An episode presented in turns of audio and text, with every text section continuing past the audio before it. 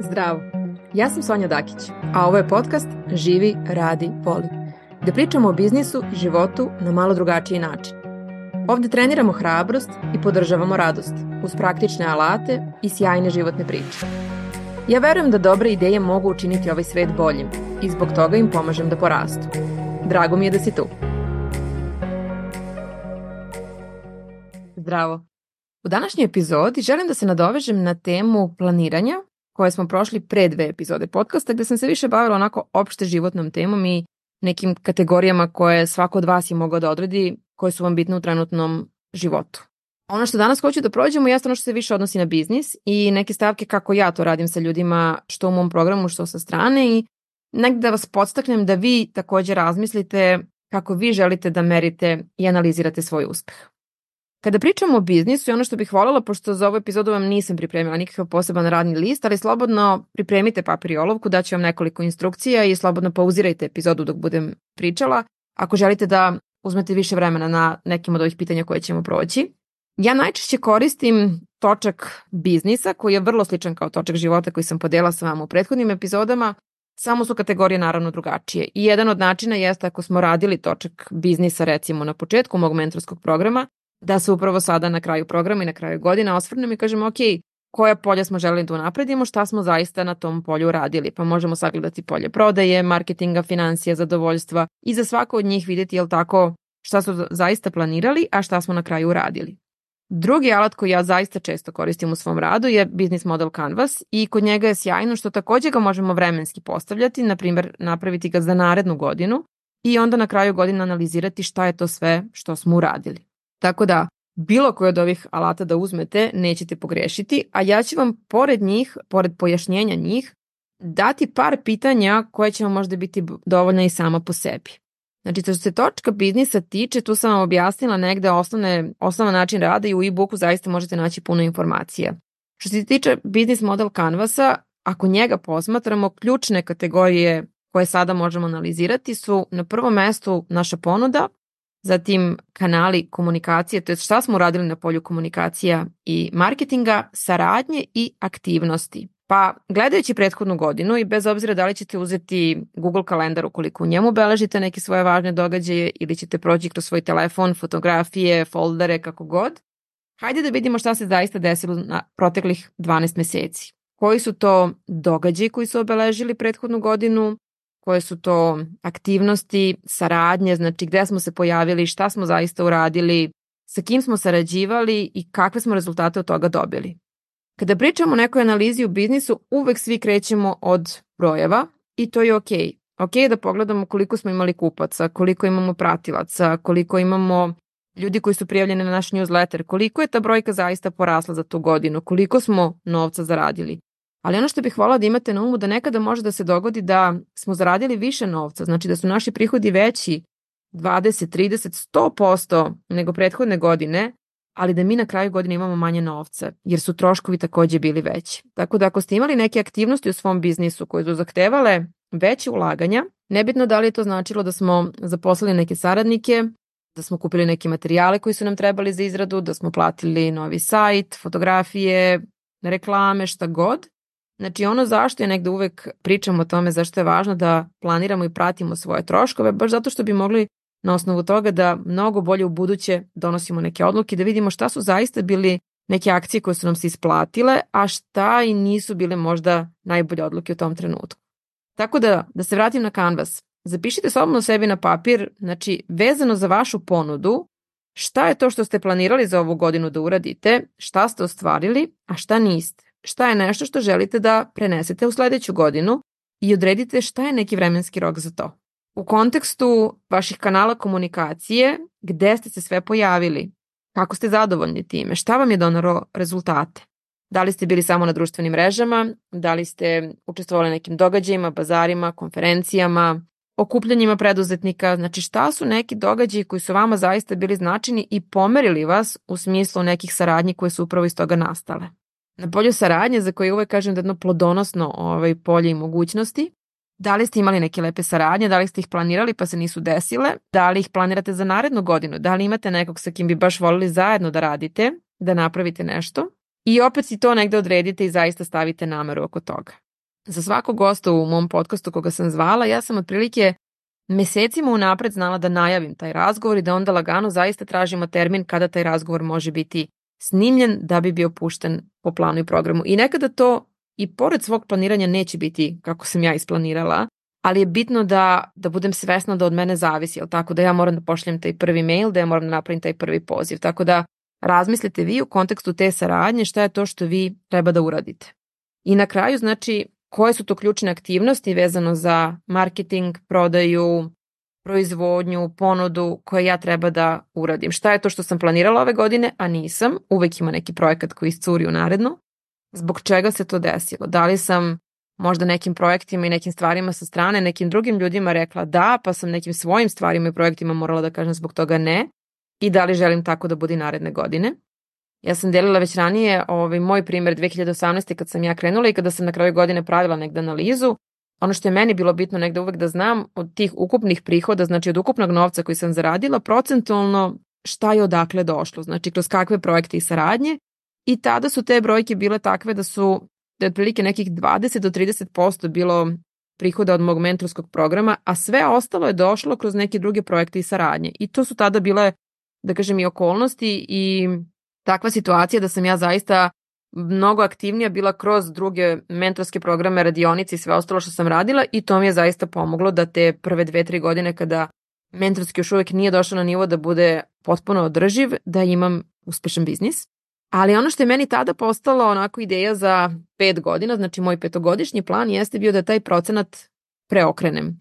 Znači da za pet godina većinski prihodi koje sam ja tada računala da budu 70-80% dolaze iz mog mentorskog programa, a nekih 20 do 30 da dolaze od projekata sa strane gde sam ja ipak zamenljiva, kako da vam kažem. Ako mene neko zove da držim neku radionicu ili da bude mentor u nekom programu i ja to ne mogu zbog možda datuma ili bilo kakvih drugih stvari, oni će naći drugu osobu.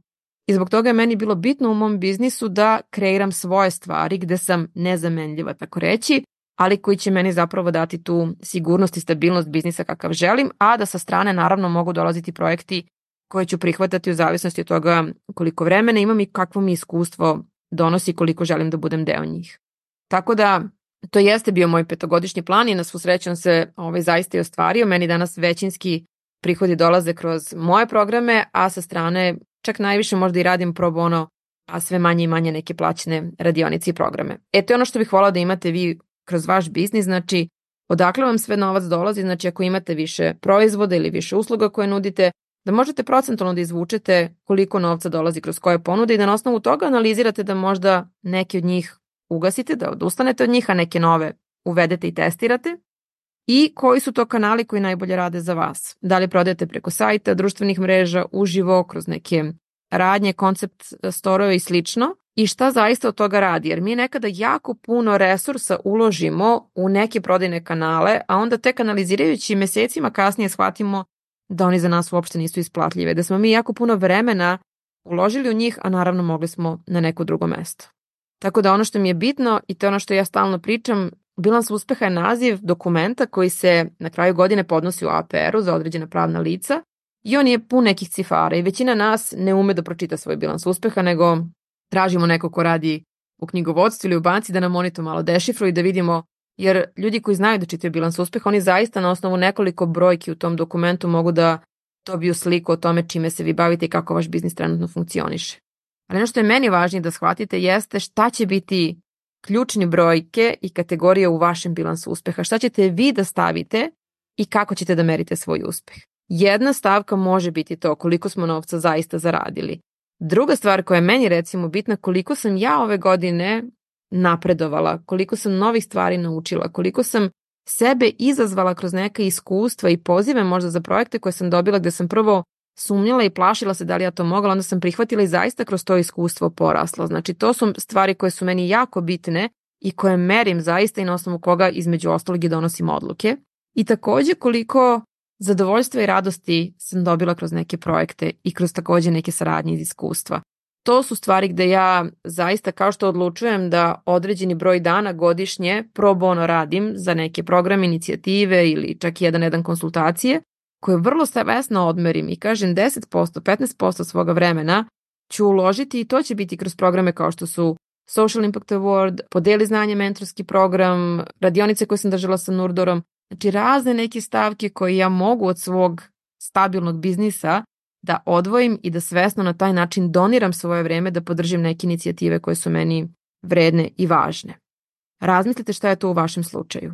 Ali opet da se vratim, znači šta je to što čini vaš bilans uspeha i kako ćete ga sve meriti. Neko će ga meriti sa količinom slobodnog vremena koji ima. Pričala sam vam o mom primjeru sa slobodnim, to je zauzetim vikendima, kada sam izmerila da sam imala 32 radna vikenda u jednoj godini, da sam rekla ovo, ovo više neću da radim. Između ostalog, ja svoj uspeh merim time što su moji vikendi danas većinski slobodni. Redke su edukacije na koje sad idem koje, vikend, ovaj, koje se državaju vikendom i meni je to jako bitno. Za mene je to uspeh da znam da vikendom mogu da budem kući, da sređujem neke svoje stvari, da gledam filmove, čitam knjige, da prosto odmaram. Za mene je to nešto što ide kao stavka na bilans uspeha. Tako da, ako hoću da vam zaključim negde ove stvari, dala sam vam nekoliko opcija kako možete posmatrati ovaj, svoj biznis, ali evo za kraj možda najjednostavnija formula. Uzmite parče papira i podelite ga na tri dela. U prvom delu napišite ja, znači najvažniji element vašeg biznisa ste vi. I napišite šta je to što ste dobro i značajno uradili, naučili ove godine, što ste postigli, šta su Znači, probajte da napišete neku listu od 5 do 10 stavki, šta je za vas bilo najznačajnije za vas lično ove godine, znači u smislu nekih velikih iskoraka, upravo to, predivnih saradnji, možda te neke novčane barijere koje ste probili i, i ove godine zaradili više novca nego ikada i videli da je to za vas moguće. Zašto da ne? Znači, šta je to što je na mene kao osobu ove godine najviše uticalo i na što sam u krajnjem slučaju ponosna što sam uradila. Drugo polje jeste vaš sam biznis, to jest vaša ideja, vaša ponuda, šta je tu bilo dobro. Znači mi često imamo neke ideje i onda ih testiramo, one ne ispanu tako sjajne i onda ih parkiramo, bukvalno ili potpuno odustanemo od njih. Nekad ih parkiramo na polici i kažemo ok, možda sad nije pravi trenutak, možda sledeće godine, možda za dve, tri godine. Ja imam projekat na kome radim tri godine i nadam se da će sledeće godine ugledati napokon svetlo dana. Mislila sam da će to biti ove godine, ali prosto nije stalo u sve ostalo što se dešavalo. Bila je intenzivna godina, bilo je to, puno toga i privatnog i poslovnog. I meni je okej okay da ta ideja i dalje sačeka i verujem da će doći trenutak da ona zaista bude tu, da bude opipljiva. Tako da u drugom polju upišite šta je sve to zaista što čini srž vašeg biznisa, znači vaša ponuda, šta je to strava što ste uradili, šta je to što ste možda što možda percipirate kao grešku, ali šta smo iz toga naučili i šta je to što ja hoću naredne godine, gde hoću da se posvetim i slobodno, znači kao što sam ja u jednom momentu kao analizirala godinu i rekla ok, ovoliko prihoda dolazi od ovoga, ovoliko od ovoga, ja hoću da se to promeni i jasno mi je da to ne može za godinu dana, ali zato sebi dajem 3 do 5 godina za to. Znači razmislite šta je dugoročno, šta je kratkoročno moguće da se desi i prema tome pravite korake. I treća poslednja stavka jeste naravno ta prodaja i financije, šta je to što ja želim. I ovde bih volala malo da vas izazovem da izađete iz te svoje zone komfora i da razmislite šta bi za vas bilo neprijatno po pitanju financija. Znači, gde je ta lestvica koju ste vi postavili, pa kada bi je gurnuli malo više, da probate da podstaknete svoj um da razmišlja kako bi to za vas bilo moguće, kako bi to izgledalo. Recimo, ima ljudi kojima je 1000 eura mesečno zarade plafon i to im je dovoljno. Ima onih kojima je to 2000, 5000, 10.000. Znači za svakog od nas to je neka različita cifra u zavisnosti od toga kakvi su naši troškovi života, kakav mi život želimo da živimo, šta su neka naše projekcije i htenja.